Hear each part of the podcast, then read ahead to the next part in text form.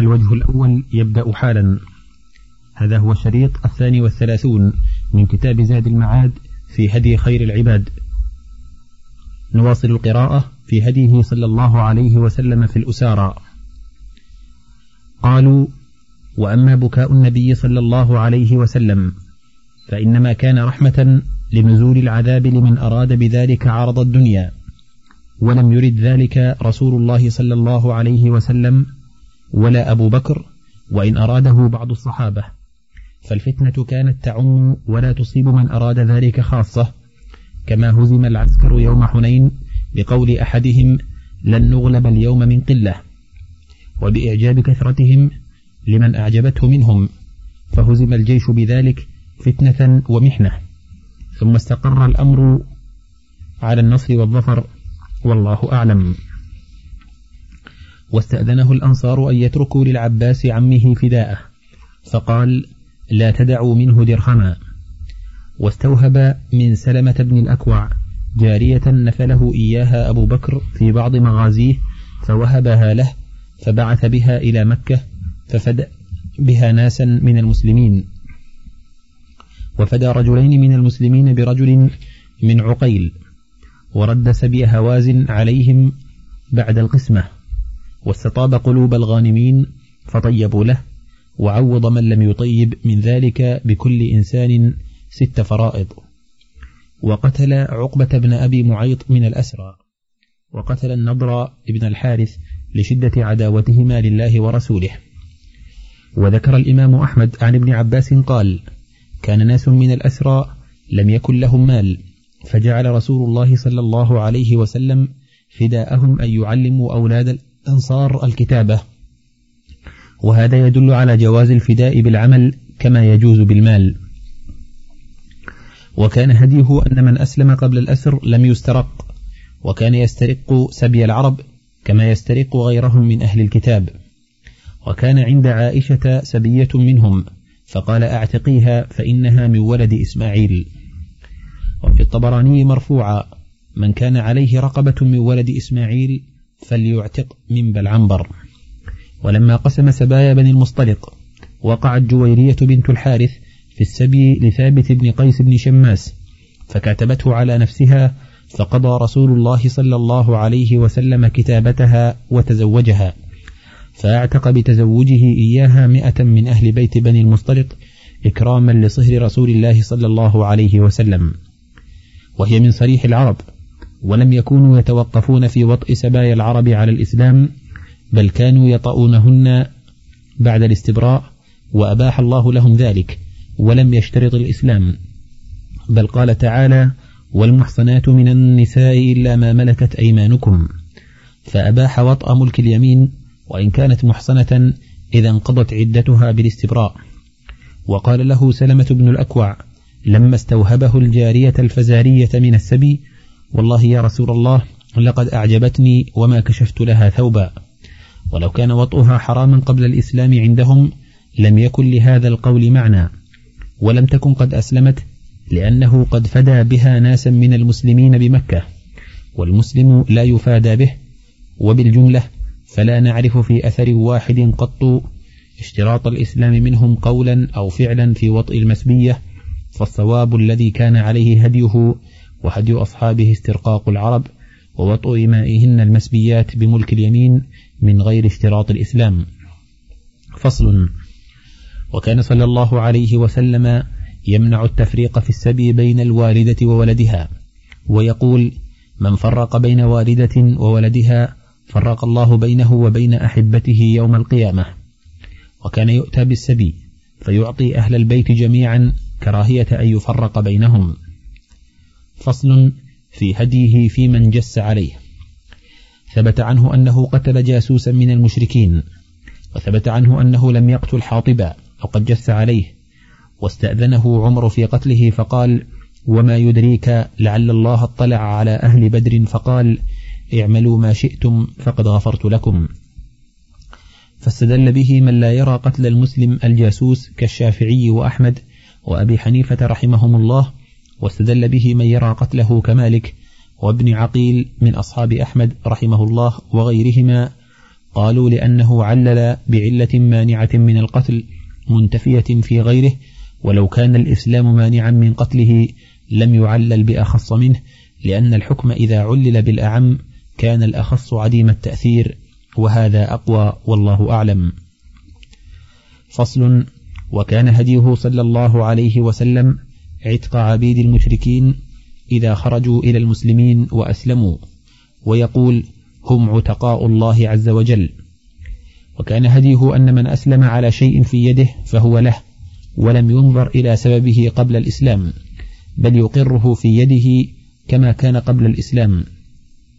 ولم يكن يضمن المشركين إذا أسلموا ما أتلفوه على المسلمين من نفس أو مال حال الحرب ولا قبله وعزم الصديق على تضمين المحاربين من أهل الردة ديات المسلمين وأموالهم فقال عمر تلك دماء أصيبت في سبيل الله وأجورهم على الله ولا دية لشهيد.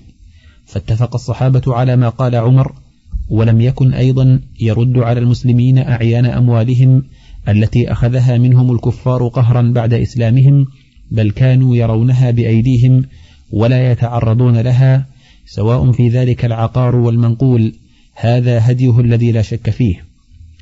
ولما فتح مكة قام إليه رجال من المهاجرين يسألونه أن يرد عليهم دورهم التي استولى عليها المشركون فلم يرد على واحد منهم داره. وذلك لأنهم تركوها لله وخرجوا عنها ابتغاء مرضاته. فأعاضهم عنها دورا خيرا منها في الجنة. فليس لهم أن يرجعوا فيما تركوه لله بل أبلغ من ذلك أنه لم يرخص للمهاجر أن يقيم بمكة بعد نسكه أكثر من ثلاث لأنه قد ترك بلده لله وهاجر منه فليس له أن يعود يستوطنه ولهذا رثى لسعد بن خولة وسماه بائسا أم مات بمكة ودفن بها بعد هجرته منها. فصل في هديه في الأرض المغنومة. ثبت عنه أنه قسم أرض بني قريظة وبني النضير وخيبر بين الغانمين. وأما المدينة ففتحت بالقرآن وأسلم عليها أهلها فأقرت بحالها.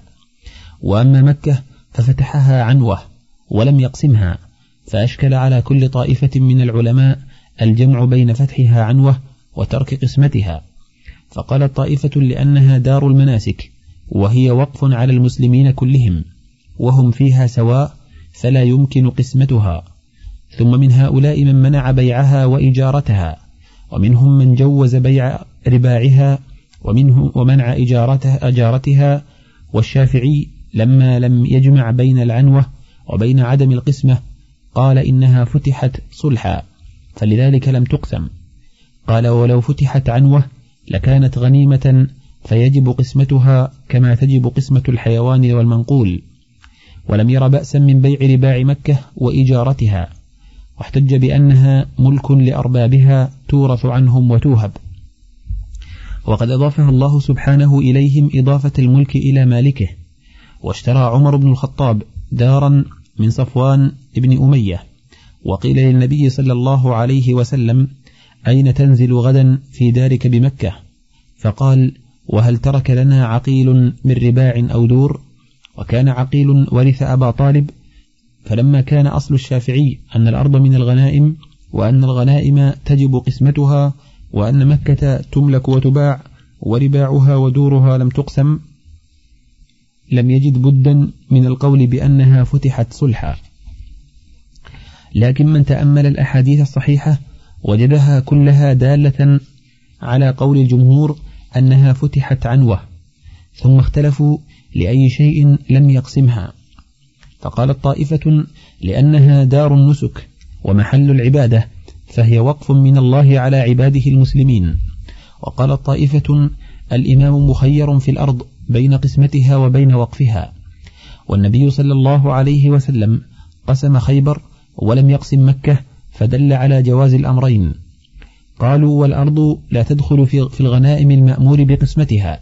بل الغنائم هي الحيوان والمنقول لأن الله تعالى لم يحل الغنائم لأمة غير هذه الأمة وأحل لهم ديار الكفر وأرضهم كما قال تعالى وإذ قال موسى لقومه يا قوم اذكروا نعمة الله عليكم إلى قوله يا قوم ادخلوا الأرض المقدسة التي كتب الله لكم وقال في ديار فرعون وقومه وأرضهم كذلك وأورثناها بني إسرائيل فعلم أن الأرض لا تدخل في الغنائم والإمام مخير فيها بحسب المصلحة.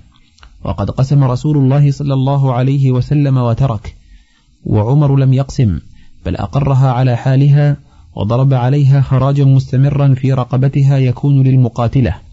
فهذا معنى وقفها. ليس معناه الوقف الذي يمنع من نقل الملك في الرقبة بل يجوز بيع هذه الأرض كما هو عمل الأمة وقد أجمعوا على أنها تورث. والوقف لا يورث. وقد نص الإمام أحمد رحمه الله تعالى على أنها يجوز أن تجعل صداقا والوقف لا يجوز أن يكون مهرا في النكاح.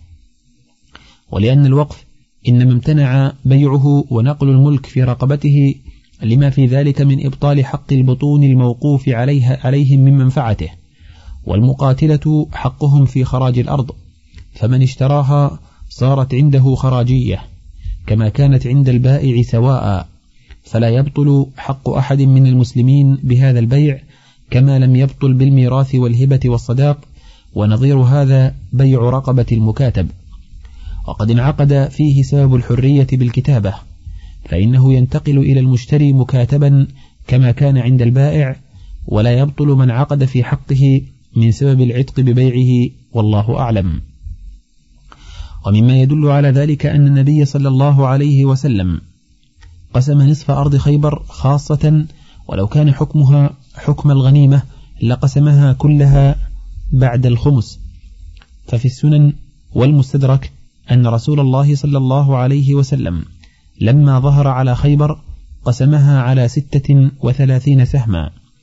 جمع كل سهم في مئة سهم. فكان لرسول الله صلى الله عليه وسلم وللمسلمين النصف من ذلك وعزل النصف الباقي لمن نزل به من الوفود والأمور ونوائب الناس.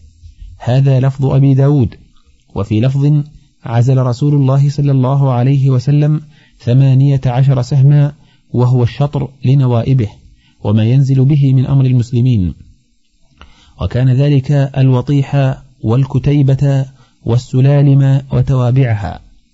وفي لفظ له أيضا عزل نصفها لنوائبه وما نزل به الوطيحة والكتيبة وما أحيز معهما. وعزل النصف الآخر فقسمه بين المسلمين الشق والنطاة وما أحيز معهما. وكان سهم رسول الله صلى الله عليه وسلم فيما أحيز معهما. فصل والذي يدل على أن مكة فتحت عنوة وجوه. أحدها أنه لم ينقل أحد قط أنه لم ينقل أحد قط أن النبي صلى الله عليه وسلم صالح أهلها زمن الفتح ولا جاءه أحد منهم صالحه على البلد وإنما جاءه أبو سفيان فأعطاه الأمان لمن دخل داره أو أغلق بابه أو دخل المسجد أو ألقى سلاحه. ولو كانت قد فتحت صلحا لم يقل من دخل داره أو أغلق بابه أو دخل المسجد فهو آمن فإن الصلح يقتضي الأمان العام.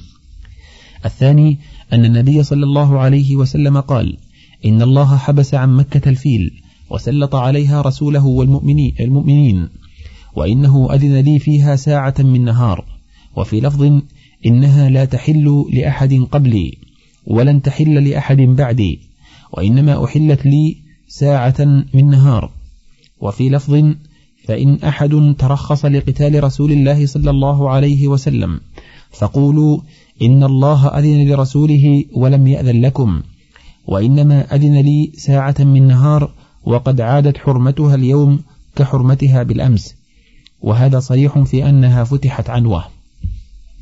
وأيضا فإنه ثبت في الصحيح أنه جعل يوم الفتح خالد بن الوليد على المجنبة اليمنى وجعل الزبير على المجنبة اليسرى وجعل أبا عبيدة على الحسر وبطن الوادي فقال يا أبا هريرة ادع للأنصار. فجاءوا يهرولون فقال يا معشر الأنصار هل ترون أوباش قريش؟ قالوا نعم. قال انظروا إذا لقيتموهم غدا أن تحصدوهم حصدا. وأخفى بيده ووضع يمينه على شماله وقال موعدكم الصفا. قال فما أشرف يومئذ لهم أحد إلا أناموه. وصعد رسول الله صلى الله عليه وسلم الصفا وجاءت الأنصار فأطافوا بالصفا. فجاء أبو سفيان فقال يا رسول الله أبيدت خضراء قريش لا قريش بعد اليوم. فقال رسول الله صلى الله عليه وسلم من دخل دار أبي سفيان فهو آمن ومن ألقى السلاح فهو آمن ومن أغلق بابه فهو آمن. وأيضا فإن أم هانئ أجارت رجلا فأراد علي بن أبي طالب قتله فقال رسول الله صلى الله عليه وسلم قد أجرنا من أجرت يا أم هانئ. وفي لفظ عنها لما كان يوم فتح مكة أجرت رجلين من أحمائي فأدخلتهما بيتا وأغلقت عليهما بابا فجاء ابن أمي علي فتلفت عليهما بالسيف فذكرت حديث الأمان وقول النبي صلى الله عليه وسلم قد أجرنا من أجرت يا أم هانئ. وذلك ضحى بجوف مكة بعد الفتح فإجارتها له وإرادة علي رضي الله عنه قتله. وإمضاء النبي صلى الله عليه وسلم إجارتها صريح في أنها فتحت عنوة. وأيضا فإنه أمر بقتل مقيس بن صبابة وابن خطل وجاريتين ولو كانت فتحت صلحا لم يأمر بقتل أحد من أهلها. ولكان ذكر هؤلاء مستثنى من عقد الصلح. وأيضا ففي السنن بإسناد صحيح أن النبي صلى الله عليه وسلم لما كان يوم فتح مكة قال أمنوا الناس إلا امرأتين وأربعة نفر اقتلوهم إن وجدتموهم متعلقين بأستار الكعبة. والله أعلم. فصل. ومنع رسول الله صلى الله عليه وسلم من إقامة المسلم بين المشركين إذا قدر على الهجرة من بينهم.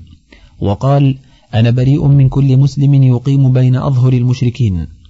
قيل يا رسول الله ولما قال لا تراءى ناراهما وقال من جامع المشرك وسكن معه فهو مثله.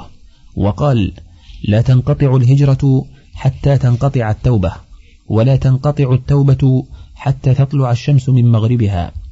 وقال ستكون هجرة بعد هجرة فخيار أهل الأرض ألزمهم مهاجر إبراهيم ويبقى في الأرض شرار أهلها تلفظهم أرضوهم تقذرهم نفس الله وتحشرهم النار مع القردة والخنازير.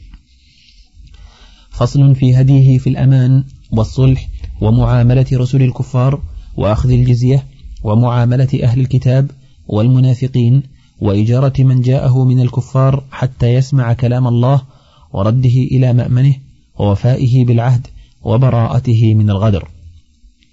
ثبت عنه أنه قال ذمة المسلمين واحدة يسعى بها أدناهم فمن أخفر مسلما فعليه لعنة الله والملائكة والناس أجمعين لا يقبل الله منه يوم القيامة صرفا ولا عدلا.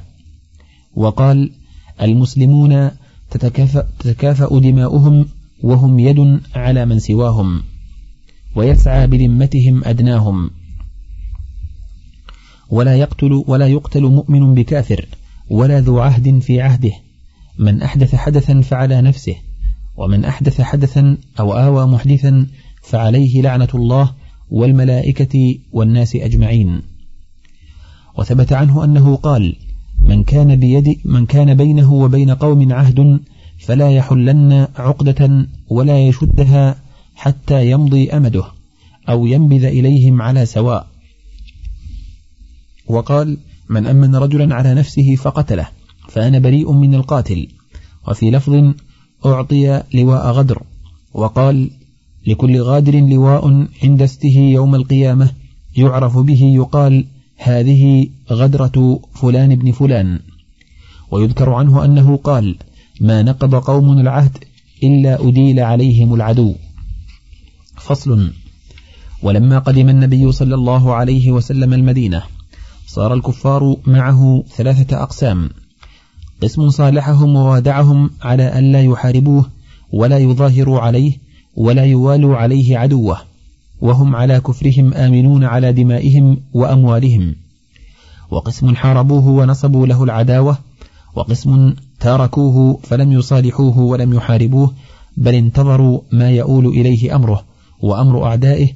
ثم من هؤلاء من كان يحب ظهوره وانتصاره في الباطن ومنهم من كان يحب ظهور عدوه عليه وانتصارهم ومنهم من دخل معه في الظاهر وهو مع عدوه في الباطن ليأمن الفريقين. وهؤلاء هم المنافقون فعامل كل طائفة من هذه الطوائف بما أمره به ربه تبارك وتعالى.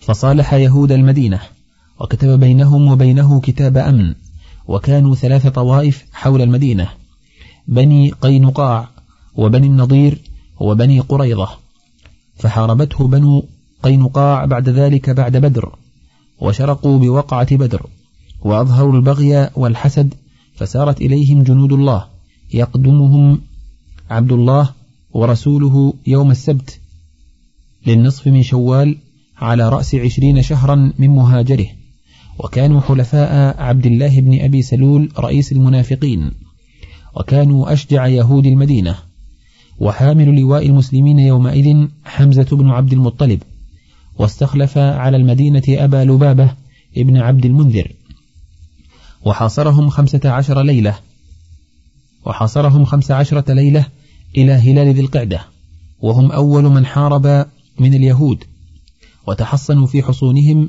فحاصرهم أشد الحصار وقذف الله في قلوبهم الرعب الذي إذا أراد خذلان قوم وهزيمتهم أنزله عليهم وقذفه في قلوبهم فنزلوا على حكم رسول الله صلى الله عليه وسلم في رقابهم وأموالهم ونسائهم وذريتهم فأمر بهم فكتفوا وكلم عبد, وكلم عبد الله بن أبي فيهم كلم رسول الله صلى الله عليه وسلم وألح عليه فوهبهم لعبد الله وأمرهم أن يخرجوا من المدينة ولا يجاوروه بها فخرجوا إلى أذرعات من أرض الشام فقل أن لبثوا فيها حتى هلك أكثرهم وكانوا صاغة وتجارا وكانوا نحو الستمائة مقاتل وكانت دارهم في طرف المدينة وقبض منهم أموالهم فأخذ منها رسول الله صلى الله عليه وسلم ثلاث قسي ودرعين وثلاثة أسياف وثلاثة رماح وخمس غنائمهم وكان الذي تولى جمع الغنائم محمد بن مسلمة. فصل. ثم نقض العهد بنو النضير. قال البخاري وكان ذلك بعد بدر بستة أشهر قال عروة وسبب ذلك أنه صلى الله عليه وسلم خرج إليهم في نفر من أصحابه وكلمهم أن يعينوه في دية الكلابيين اللذين قتلهما عمرو بن أمية الضمري فقالوا نفعل يا أبا القاسم اجلس ها هنا حتى نقضي حاجتك. وخلا بعضهم ببعض وسول لهم الشيطان الشقاء الذي كتب عليهم. فتآمروا بقتله صلى الله عليه وسلم وقالوا أيكم يأخذ هذه الرحى ويصعد فيلقيها على رأسه يشدخه بها؟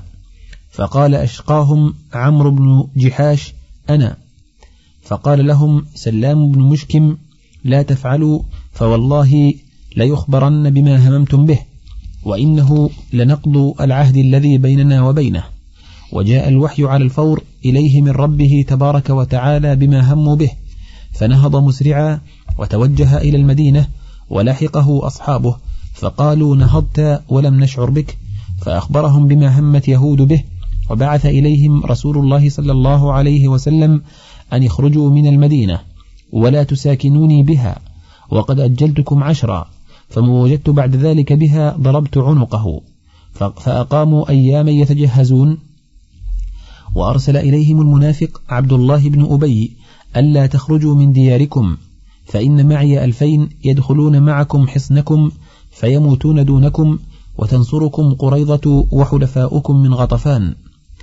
وطمع رئيسهم حيي بن أخطب فيما قال له وبعث إلى رسول الله صلى الله عليه وسلم يقول إنا لا نخرج من ديارنا فاصنع ما بدا لك. فكبر رسول الله صلى الله عليه وسلم وأصحابه ونهضوا إليه. وعلي بن أبي طالب يحمل اللواء. فلما انتهى إليهم قاموا على حصونهم يرمون بالنبل والحجارة. واعتزلتهم قريضة وخانهم ابن أبي وحلفاؤهم من غطفان.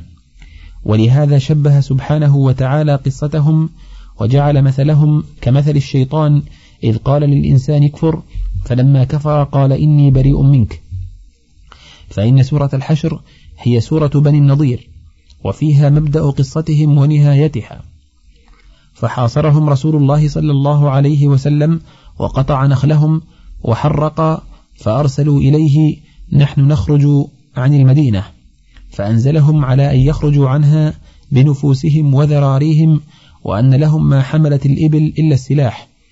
وقبض النبي صلى الله عليه وسلم الأموال والحلقة وهي السلاح وكانت بنو النضير خالصة لرسول الله صلى الله عليه وسلم لنوائبه ومصالح المسلمين ولم يخمسها لأن الله أفاءها عليه ولم يوجف المسلمون عليها بخيل ولا ركاب وخمس قريضة.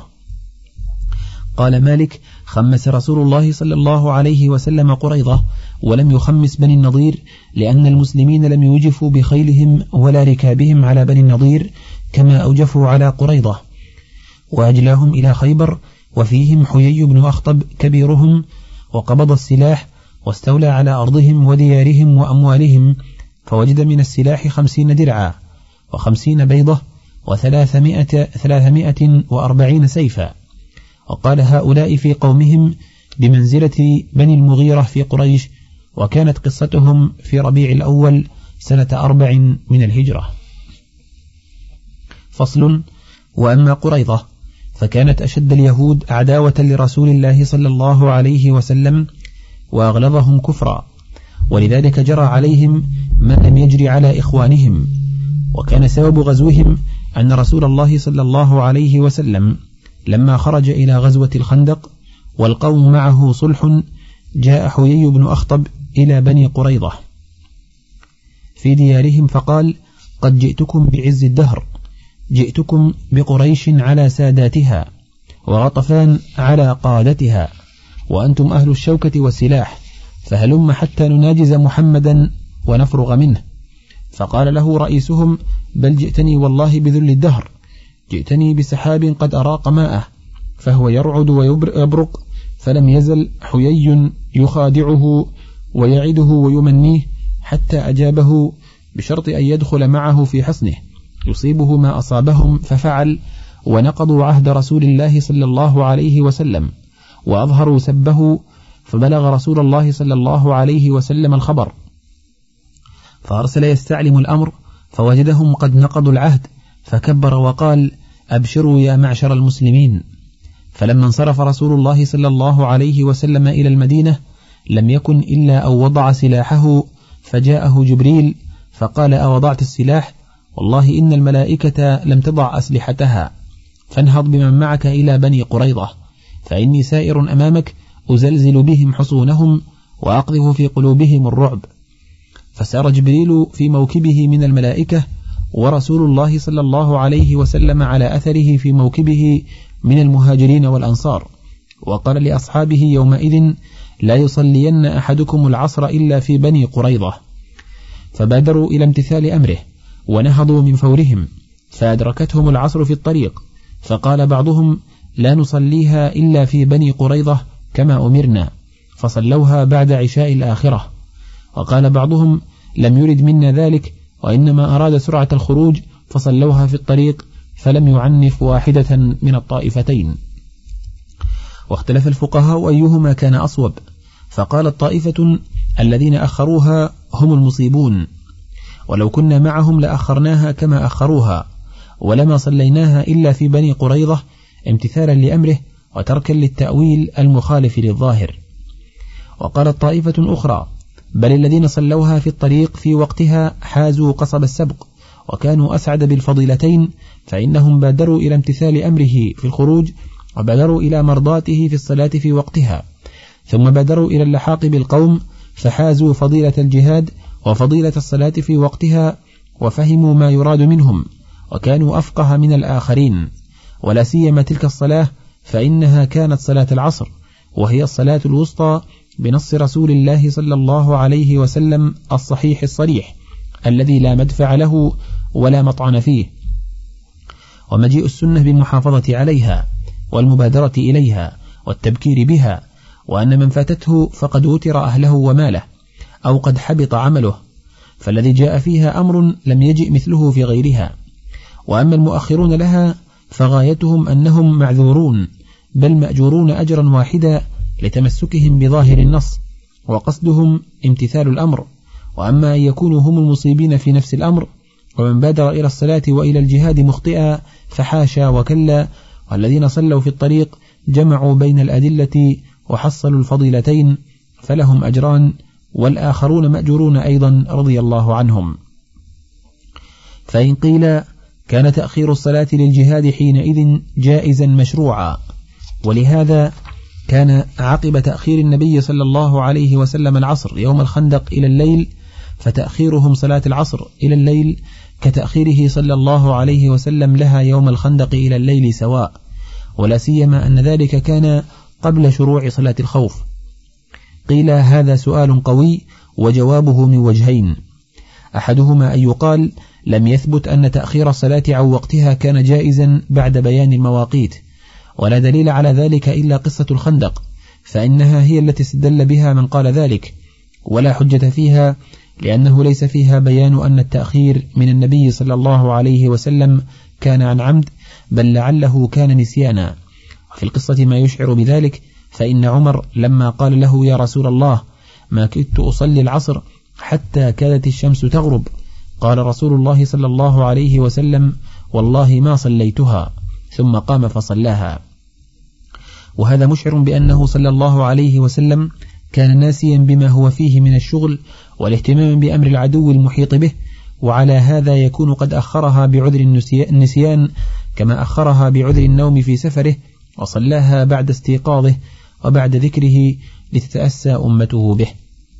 والجواب الثاني أن هذا على تقدير ثبوته إنما هو في حال الخوف والمسايفة عند الدهش عن تعقل أفعال الصلاة والإتيان بها والصحابة في مسيرهم إلى بني قريظة لم يكونوا كذلك بل كان حكمهم حكم أسفارهم إلى العدو قبل ذلك وبعده ومعلوم أنهم لم يكونوا يؤخرون الصلاة عن وقتها ولم تكن قريضة ممن يخاف فوتهم فإنهم كانوا مقيمين بدارهم فهذا منتهى أقدام الفريقين في هذا الموضع.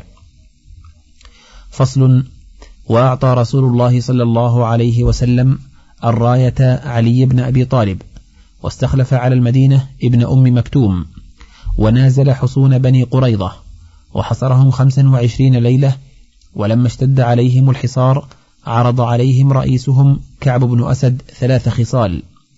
إما أن يسلموا ويدخلوا مع محمد في دينه وإما أن يقتلوا ذراريهم ويخرجوا إليه بالسيوف مصلثة يناجزونه حتى يظفروا به أو يقتلوا عن آخرهم. وإما أن يهجموا على رسول الله صلى الله عليه وسلم وأصحابه ويكبسوهم يوم السبت لأنهم قد أمنوا أن يقاتلوهم فيه. فأبوا عليه أن يجيبوه إلى واحدة منهن فبعثوا إليه أن أرسل إلينا أبا لبابة ابن عبد المنذر نستشيره فلما رأوه قاموا في وجهه يبكون. وقالوا يا أبا لبابة كيف ترى, ترى لنا أن ننزل على حكم محمد؟ فقال نعم. وأشار بيده إلى حلقه يقول إنه الذبح. ثم علم من فوره أنه قد خان الله ورسوله. فمضى على وجهه ولم يرجع إلى رسول الله صلى الله عليه وسلم حتى أتى المسجد مسجد المدينة فربط نفسه بسارية المسجد وحلف أن لا يحله إلا رسول الله صلى الله عليه وسلم بيده وأنه لا يدخل أرض بني قريظة أبدا. فلما بلغ رسول الله صلى الله عليه وسلم ذلك قال دعوه حتى يتوب الله عليه. ثم تاب الله عليه وحله رسول الله صلى الله عليه وسلم بيده. ثم إنهم نزلوا على حكم رسول الله صلى الله عليه وسلم. فقامت إليه الأوس فقالوا يا رسول الله قد فعلت في بني قينقاع ما قد علمت وهم حلفاء إخواننا الخزرج وهؤلاء موالينا فأحسن فيهم. فقال ألا ترضون أن يحكم فيهم رجل منكم؟ قالوا بلى. قال فذلك إلى سعد بن معاذ. قالوا قد رضينا. فأرسل إلى سعد بن معاذ وكان في المدينة لم يخرج معهم لجرح كان به فأركب حمارا. وجاء إلى رسول الله صلى الله عليه وسلم فجعلوا يقولون لهم وهم كنفتاه يا سعد أجمل إلى مواليك فأحسن فيهم. فإن رسول الله صلى الله عليه وسلم قد حكمك فيهم لتحسن فيهم وهو ساكت لا يرجع إليهم شيئا. فلما أكثروا عليه قال لقد آن لسعد ألا تأخذه في الله لومة لائم فلما سمعوا ذلك منه رجع بعضهم إلى المدينة فنعى إليهم القوم. فلما انتهى سعد إلى النبي صلى الله عليه وسلم قال للصحابة قوموا إلى سيدكم.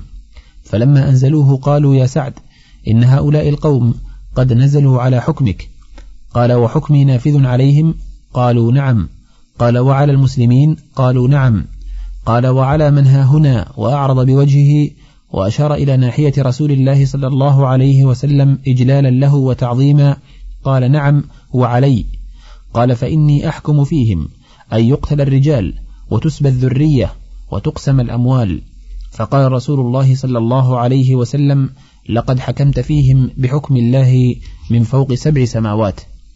وأسلم منهم تلك الليلة نفر قبل النزول وهرب عمرو بن سعد فانطلق فلم يعلم أين ذهب وكان قد أبى الدخول معهم في نقض العهد فلما حكم فيهم بذلك أمر رسول الله صلى الله عليه وسلم بقتل كل من جرت عليه الموسى منهم ولم ينبت ألحق بالذرية فحفر لهم خنادق في سوق المدينة وضربت أعناقهم وكانوا بين الستمائة إلى السبعمائة ولم يقتل من النساء أحد سوى امرأة واحدة كانت طرحت على رأس سويد بن الصامت رحى فقتلته.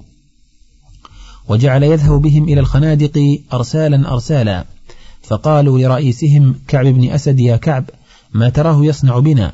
فقال أفي كل موطن لا تعقلون؟ أما ترون الداعي لا ينزع والذاهب منكم لا يرجع؟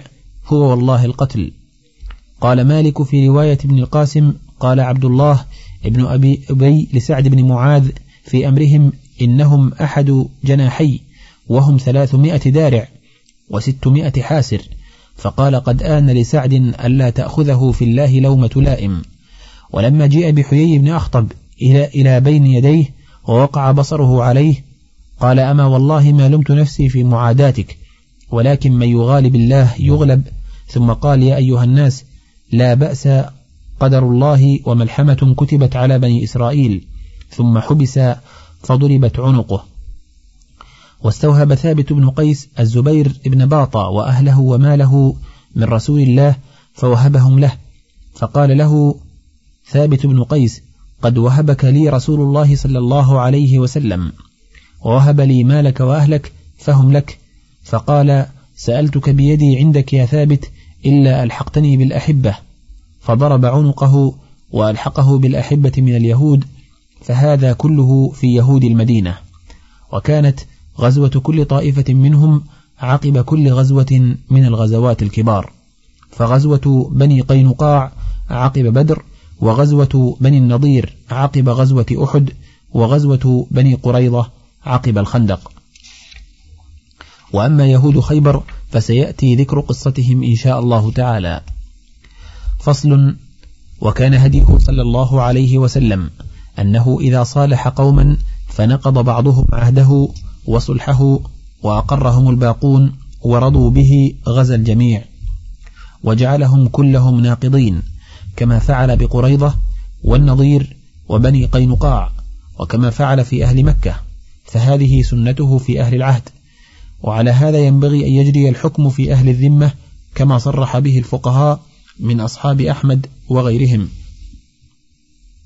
وخالفهم أصحاب الشافعي فخصوا نقض العهد بمن نقضه خاصة دون من رضي به وأقر عليه وفرقوا بينهما بأن عقد الذمة أقوى وآكد.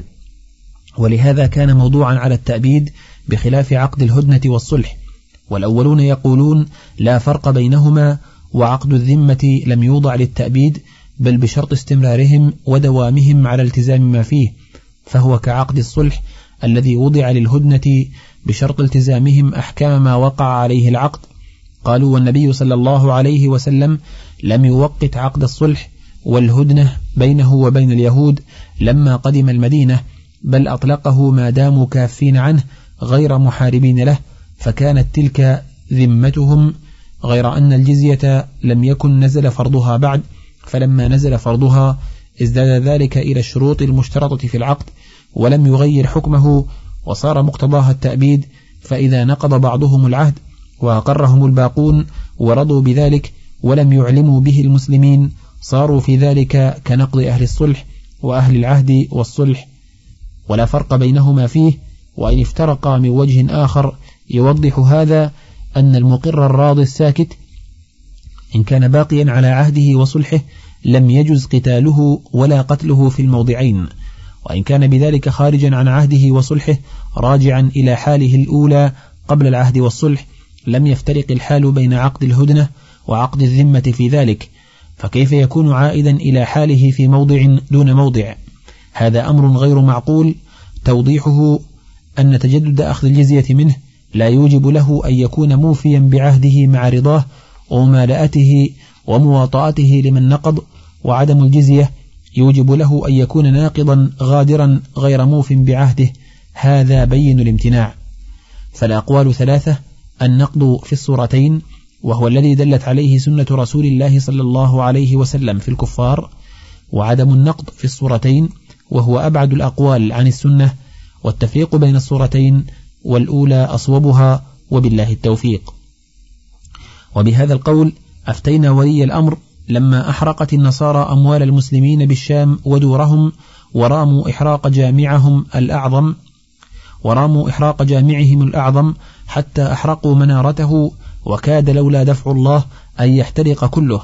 وعلم بذلك علم بذلك من علم من النصارى ووطأوا عليه وأقروه ورضوا به ولم يعلموا ولي الأمر فاستفتى فيهم ولي الأمر من حضره من الفقهاء فأفتيناه بانتقاض عهد من فعل ذلك وأعان عليه بوجه من الوجوه أو رضي به وأقر عليه وأن حده القتل حتما لا تخيير للإمام فيه كالأسير بل صار القتل له حدا والإسلام لا يسقط القتل إذا كان حدا ممن هو تحت الذمة ملتزما لأحكام الله بخلاف الحربي إذا أسلم.